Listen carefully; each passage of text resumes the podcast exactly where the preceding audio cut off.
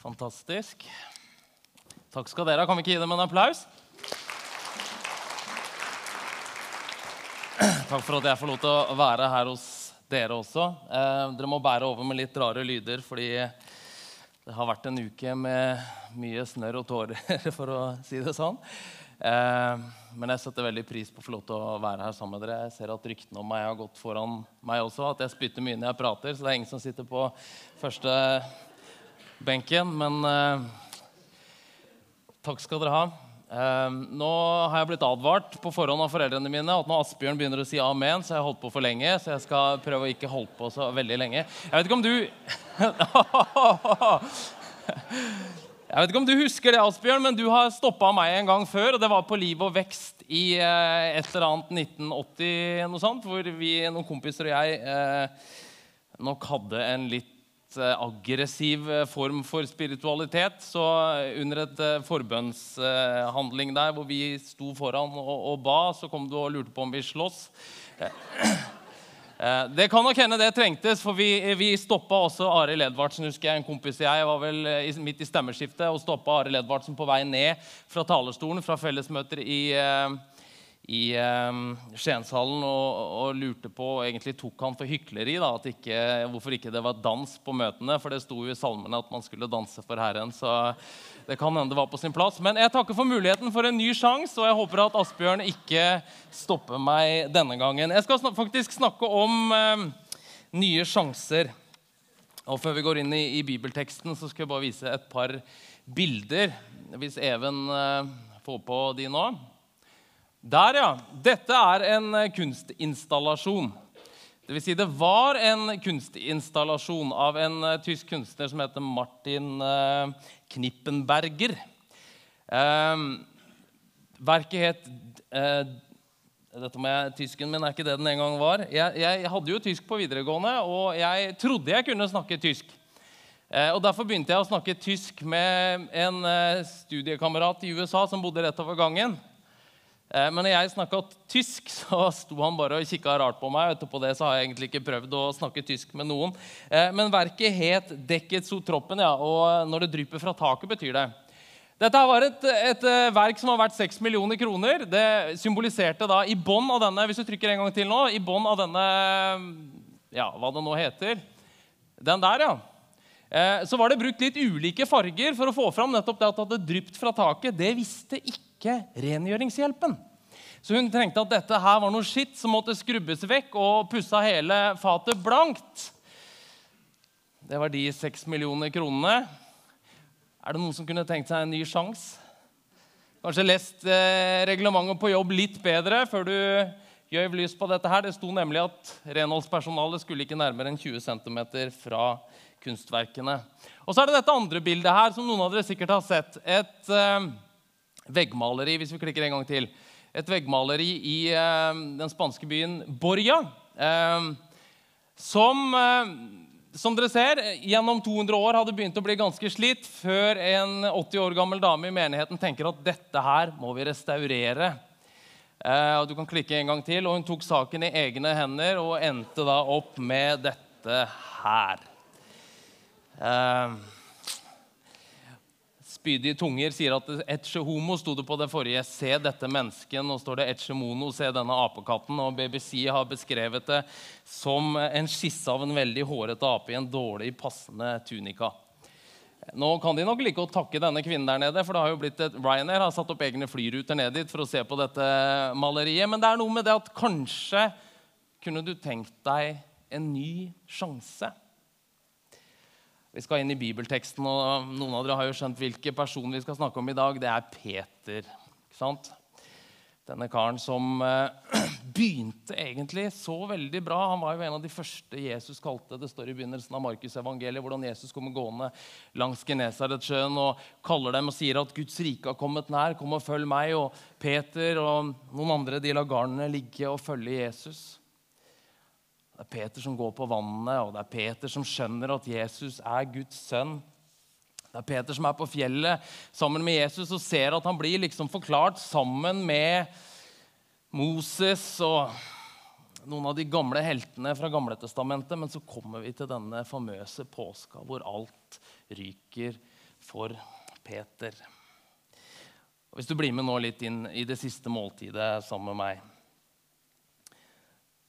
og Hele verdenshistorien står og balanserer på stram line.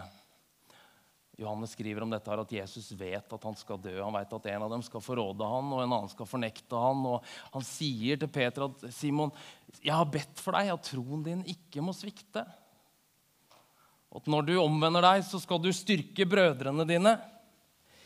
Og Peter går høyt ut ikke sant, og sier at ja, Jesus, jeg skjønner jo det at alle disse andre her kommer til å svikte.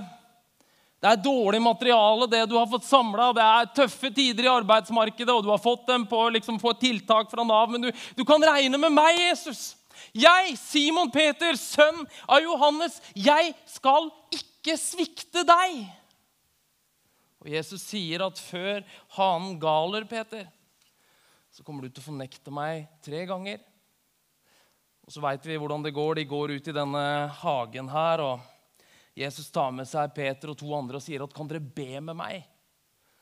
Og så går det som det ofte går når man skal be når man er trøtt. John Wimber sa jo det, en amerikansk predikant, at det eneste han fant ut når han skulle prøve å stå opp tidlig om morgenen og be, det var at han kunne sovne i alle mulige slags stillinger. Jeg vet ikke om noen har prøvd det. Så de sovner. Tre ganger sovner de. Jesus kommer bort til dem og sier, 'Kan dere ikke våke med meg en time engang?' 'Min sjel er rystet til døden.' Han svetter så det blir til blod. Men disse folka sover. Og så kommer eh, Judas med, med bermen som han har dratt med seg, med sverd og stokker. og Judas går bort og kysser Jesus, og så ser det et lite øyeblikk ut som, som bordet skal snu, for Peter har fått med seg et sverd. Og på forunderlig vis så klarer han å kutte øret av yppersteprestens tjener. og ikke vet jeg hvordan han gjør det. Det var liksom bare øret og ikke skulderen. og det er mye interessant man kan tenke hvordan dette skjedde. og Det ser ut som at nå, liksom, nå, nå står Peter opp, this is his brightest hour, men så tar Jesus øret opp og setter det på denne tjeneren igjen, og alle springer bort. En liten parentes. Jeg vet ikke om dere har lest det, men I Markus så står det om en kar som kommer til hagen der med bare et linklede rundt seg, skriver Markus. Jeg har lurt veldig på hvem er dette her som kommer rett ut av dusjen, liksom, ut i, ut i hagen der. Og når de begynner, og Dette er en av de tingene jeg skal snakke med Herren om når jeg kommer på andre siden av floden. For hvem er denne mannen som kommer med håndkle ut i hagen, og så står det at de griper tak i linkledet, og han sprang naken bort? Eh, det er kanskje bare min skrudde fantasi som melder seg inn der som ser litt andre ting i teksten enn alle dere andre. Men så står det at de sprang alle bort. Og Peter holder seg på trygg avstand og følger etter Jesus. Og vi skal inn i teksten og lese i Lukas 22, fra vers 54. De grep ham og førte ham til øversteprestens hus. Peter fulgte etter langt bak. Midt inne på gårdsplassen var det tent et bål, og Peter slo seg ned blant dem som satt omkring det. En tjenestejente fikk se ham der han satt i lysskjæret. Hun stirret på ham og sa, 'Denne mannen var også sammen med han.' Men Peter nektet og sa, 'Kvinne, jeg kjenner ham ikke.' Litt etter var det en annen som la merke til ham og sa, 'Du er også en av dem.' 'Nei, det er jeg ikke', svarte Peter. Men en times tid senere var det enda en som slo fast, 'Jo visst var denne mannen også med ham.' Han er jo galileer. Men Peter svarte, 'Menneske, du, jeg skjønner ikke hva du snakker om.' I det samme før han hadde talt ut, gol hanen. Og Herren snudde seg og så på Peter. Da husket Peter det Herren hadde sagt til ham før hanen galer i natt, skal du fornekte meg tre ganger. Og han gikk ut og gråt bittert. I det samme før han hadde talt ut, skriver Lukas, gol hanen. Og for å virkelig gni det inn. Og Herren snudde seg og så på Peter. Hvis du nå bruker det du har av menneskelige følelser, og prøver å sette deg inn i, dine, i denne teksten her, hvordan du satt noen timer før og liksom skrøt at du skulle i hvert fall ikke svikte selv om alle andre gjorde det. Og nå står du der, og hanen galer før du har fått prata ut. Og akkurat når du oppdager det, så ser Herren på deg. over denne, dette gårdsrommet det, hvor dere står, hvordan føler du da? I feel good. Nei. Du føler deg ikke bra, du føler deg som verdens største dritt, og du er vel egentlig det også. Men hva er det du ser i disse øynene, da? Som du treffer liksom på tvers av denne gårdsplassen? Du ser kjærlighet i flytende form, både som tårene som renner nedover Jesu kinn, og blodet som renner nedover ryggen hans. Du ser Gud som gir seg selv for verden, mens du ikke engang kunne vedkjenne deg at du kjente ham. Så spørsmålet er kanskje ikke hva han ser i disse øynene, men det er hva han ser i seg selv når han ser inn i disse øynene. Og han ser svik og råttenskap og ser at bunnen er nådd. Og som Lukas skriver, han gikk ut og gråt bittert. Du vet at Før hanen galer, så er Peter på vei oppover. Han har store tanker om seg selv. Det ser vi flere steder, bl.a. denne gangen hvor han er på dette fjellet sammen med Jesus. Og, og, Det kommer en sky og stemmer og røyk og hele greia. Så sier jo Peter det er godt at vi er her. All right. Det er godt at du er her. Ja, her er liksom Guds sønn og Moses og en del andre. Det er fint at vi er her. Eh, og Peter har liksom en følelse av kontroll. Han prøver å irettesette Jesus noen ganger, og sånn, men nå rakner alt sammen. For her er det hanen som bare gjør det veldig tydelig for Peter at han har kommet til slutten av seg selv, og han ser hvem han egentlig er. Og det er ikke noe vakkert syn. Men det er likevel én ting han ikke ser i disse øynene, og det er sinne, fordømmelse og liksom en sånn Hva var det jeg sa, Peter? For Jesus visste jo at Peter kom til å svikte ham. Det var jo derfor han hadde sagt til han at du kommer til å fornekte meg. Det var derfor han hadde bedt for Peter. Simon, Simon, Satan har krevd å, å, å sikte dere som hvete, men jeg har bedt om at din tro ikke må svikte. Når du vender om, så skal du styrke brødrene dine. Så, så, Problemet i historien er jo egentlig ikke Jesus og hvordan han forholder seg til Peter, men det er jo Peter og hvordan skal han klare å forholde seg til seg selv etter dette her. så skjer det fantastiske ting. Noen kvinner går til graven den tredje dagen og, og, ser at Jesus er ikke lenger der. og De kommer og forteller det til Peter og de andre. Men det står at brødrene trodde ikke på dem. De trodde det var løst snakk. Det er damen igjen. Det er vel noen hormoner, det er vel for mye såpeoperaer og Desperate Housewives. Vet du forresten hvorfor aldri det har vært noen kvinnelig seriemorder? Ja, de måtte jo fortelle noen om det etter første gang. Eh, men det er liksom Kvinnene de trodde ikke på det. det. Er løst snakk, det går noen rykter her. Men så dukker Jesus opp flere ganger. Og Hvis du nå prøver å være Peter, så syns jo dette er fantastisk at Jesus har stått opp igjen, men det er liksom ikke helt sånn som det var mellom dere. Så kanskje sitter du der bak i rommet liksom og smiler fint og tommelen opp og liksom syns at dette her egentlig er ganske greit, men det er liksom ikke helt bra heller. For sist gang du så Jesus, så svikta du han så grundig. Så kommer vi til slutten av Johannes-evangeliet, og Johannes skriver at Peter sier at eh, nei, vi går og fisker igjen. Og Vi vet ikke helt hva som ligger i dette. her. Er det det at nå har de liksom gitt opp hele Jesus-greia? Nå går de tilbake til det de drev med før og blir fiskere? Eller er det rett og slett bare at de er sultne?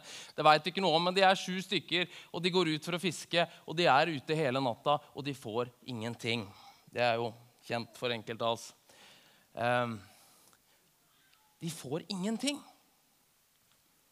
Men når de kommer seilende inn om morgenen, så ser de det står en kar inne på stranda der. og Han sier til dem at uh, dere må kaste ut garnet på andre sida. Det fins alltid en eller annen besserwisser som skal fortelle deg hvordan du skal fiske. Men dette her har disse folka gjort før. Jeg leser om det i Lukas 5, hvordan de har vært ute og fiska en hel natt før. og de har ikke fått noen ting, og Det står en mann på stranda og sier at de må bare kaste ut et annet sted, og de får full not. Og det skjer igjen. Og så det, sier Johannes til Peter at det er Herren. Og, Johan, og, Peter hiver seg i vannet og svømmer inn. og Der har Jesus lagd et bål, og han har ordna fisk til dem. Og de spiser. Men det er liksom noe med det at sist gang du og Jesus hadde måltid sammen, så lovte du at du skulle ikke svikte, og vi så hvordan det gikk. Og sist gang dere så på hverandre over et bål, så var det etter at hanen Gol og du hadde svikta han tre ganger. Så gjør Jesus noe fantastisk. Han sier til, til Peter i vi leser fra Johannes 21, vers 15. Da de var ferdige med måltidet, sier Jesus til Simon Peter.: Simon, sønn av Johannes, elsker du meg mer enn disse? Han svarte, Ja, Herre, du vet at jeg har deg kjær. Jesus sier til ham, Før lammene mine.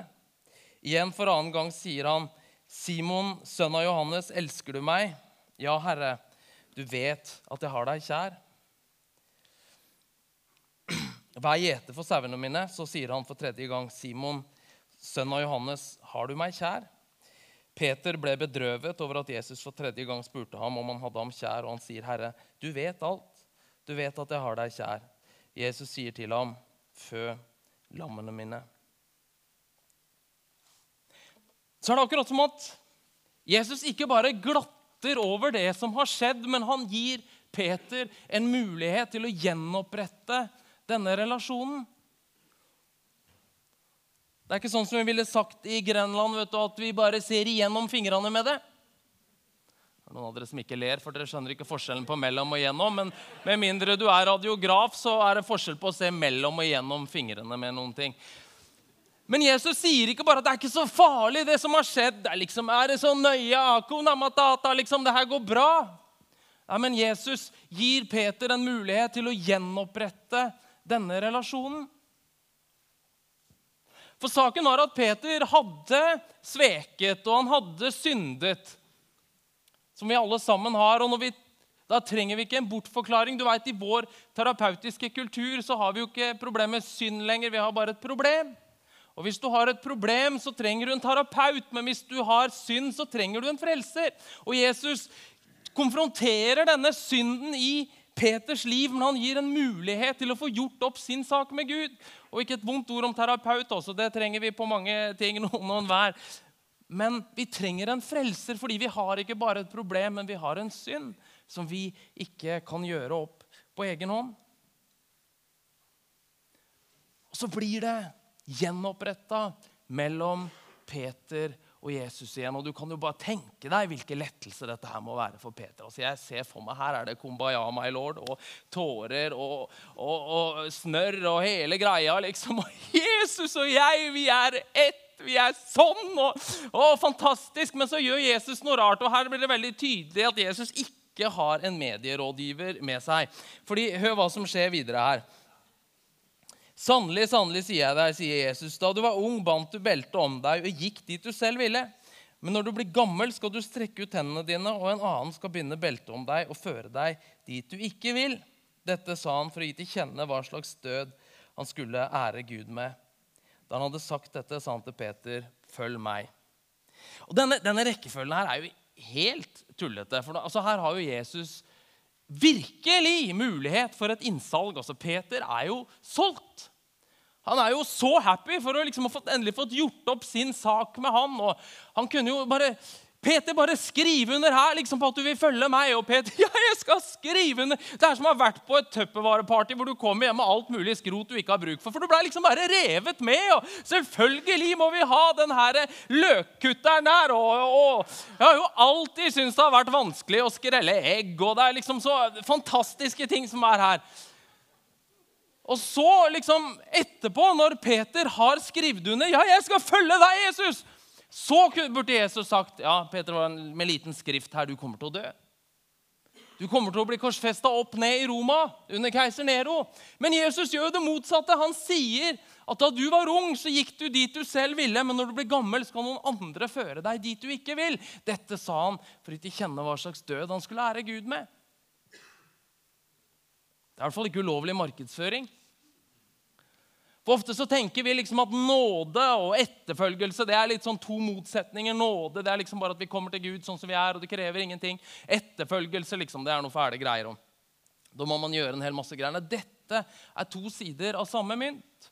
Hvordan Guds nåde treffer oss helt ufortjent og gir oss sjanse igjen og igjen. Men hvordan denne nåden også forvandles til et kall til etterfølgelse og legge livet ned og følge Jesus. Og nå sier Jesus til Peter at du kommer til å dø for meg, og Peter nekter ikke. Noen dager før så hadde Peter sagt at han skulle dø for Jesus, så vi så hvordan det gikk. Noe har skjedd i Peter i møte med sitt eget svik og, og Guds kjærlighet, og han er ikke lenger herre i sitt eget liv. Og så er det med denne fortellingen, som egentlig alle bibelfortellingene, at det handler ikke bare om Peter og Johannes og Moses og hele galleriet, men det handler om deg og meg. Fordi Jesus veit jo hva slags materiale vi også er laget av. At vi lover han ting som vi ikke klarer å holde. At vi svikter når det gjelder mest. At vi har denne gravitasjonen inni oss som drar oss i feil retning. Og så slutter ikke denne fortellingen, takk og lov, denne fortellingen om Peter slutter ikke med Peter som springer gråtende ut i natten og springer ut av hele fortellingen, og vi hører aldri noe mer om han. Men den slutter her, eller den begynner jo egentlig på nytt her med Jesus som på nytt kaller sin disippel til etterfølgelse.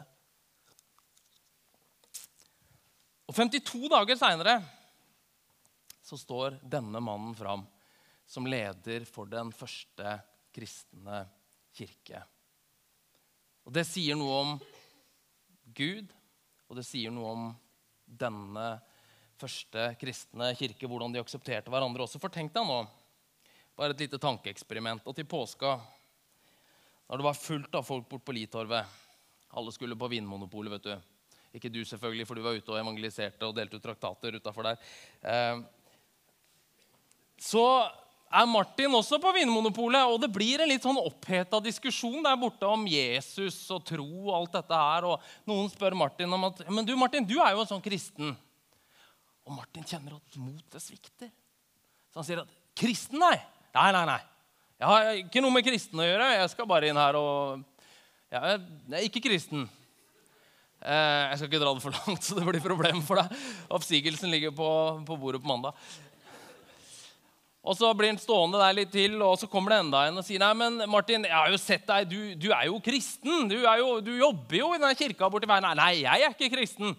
Jeg har aldri hatt noe med det her å gjøre. Jeg synes egentlig det er eh, Jeg er heller sånn nyateist, egentlig. Og Så har han stått der enda en stund, og så kommer det en tredje. Ja, men du er jo pastor i en sånn menighet. Nå må du gi deg, mann!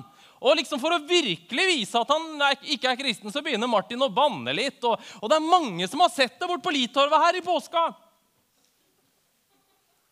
Og Så blir det pinse, og så er Martin som står der borte liksom, og leder et voldsom evangeliseringskampanje på samme stedet. Ja, men Det er jo skandaløst! Vi må jo ha bedre ledere enn som så. Vi må jo forvente noe av folk. Men det var det som skjedde. Mannen som svikter Jesus offentlig, så alle veit det. Han står fram på pinsedag og blir leder i den første kristne menighet. Ja, Men det går jo ikke an. Jo, det går an. For det er den bransjen Gud er i. Å gi en ny sjanse. Å gjenopprette det som falt og ikke strakk til. Jeg skal snart avslutte, så jeg ikke får noen amen fra, fra bak... Er det greit? Det er greit. Ja, men vi kan, Lovsangere, dere kan komme opp. Skal snart, jeg skal snart gi meg. Men du veit at evangeliet er aldri hva vi gjør for Gud, men det er hva Gud har gjort for oss. Og når tyngdepunktet flyttes der, at det dreier seg om alt vi skal få til for Gud, og alt vi må gjøre, som om Gud var en slags halvfabrikat som ramler sammen om ikke vi tror på Han. Magnus Mann skriver om det at eh, noen behandler Gud som om han eh, som Riksantikvarens forhold til statskirken. Hvis ikke Riksantikvaren holder disse kirkene på plass, så ramler de sammen. liksom. Nei, Men Gud står utmerket godt uten deg. Og fordi denne fortellingen aldri begynte med oss, men det begynte med Gud, så slutter den heller ikke når du ikke strekker til. Det begynte ikke med deg. Det var ikke sånn at du liksom kom inn i dette livet med Gud når du hadde gjort noe bra, og når du gjør noe dårlig, så er det rett ut igjen. Nei, Det begynte med Gud, og det slutter med Gud. Og Evangeliet er invitasjonen til å miste seg selv for å finne sitt liv hos Jesus. Og Derfor handler det ikke først og fremst om meg og deg, men det handler om han. Derfor har jeg bare lyst til å stille et spørsmål til deg i dag. Og det er liksom ikke hvordan står det til? Hvordan er tilstandsrapporten din? Men det er om du kjenner han. Selvfølgelig er det et kall til etterfølgelse, til å leve og bli mer lik han, men det begynner aldri der. Hvis han nå gikk på deg sammen med deg langs stranda, sånn som han gjorde med Peter, hvilke spørsmål var det han ville stilt til deg? Og hvis du sto på denne gårdsplassen, og ditt blikk traff hans, hva er det du ser i disse øynene da? Hvilke sår er det du trenger at han skal lege? Hvilke synder er det du trenger å bekjenne? Hva er det du trenger å omvende deg for? Hva er det, hvilke ruiner, hvilke glør er det du trenger at han skal blåse på igjen? Når Johannes avslutter evangeliet sitt, så sier han at også mange andre ting gjorde Jesus. Og hvis alle disse skulle skrives ned, så er jeg sikker på at ikke alle bøker i hele verden ville romme det.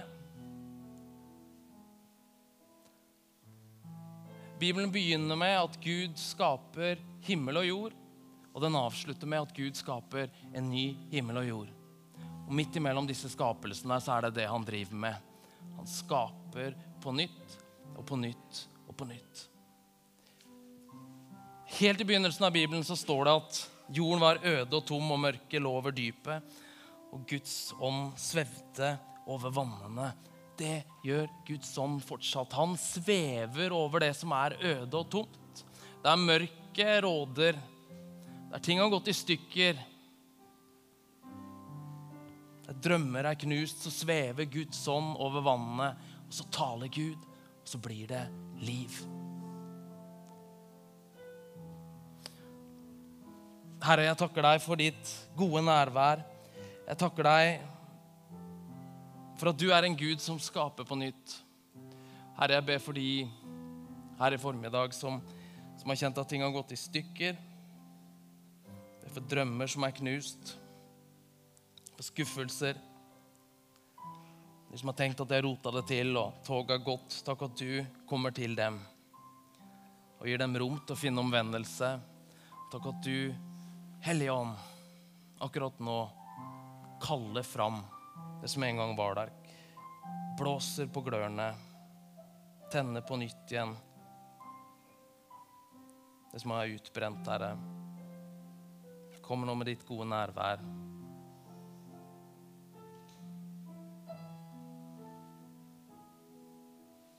Takk skal du ha, Herre. Takk at du gjør alle ting nye. Amen.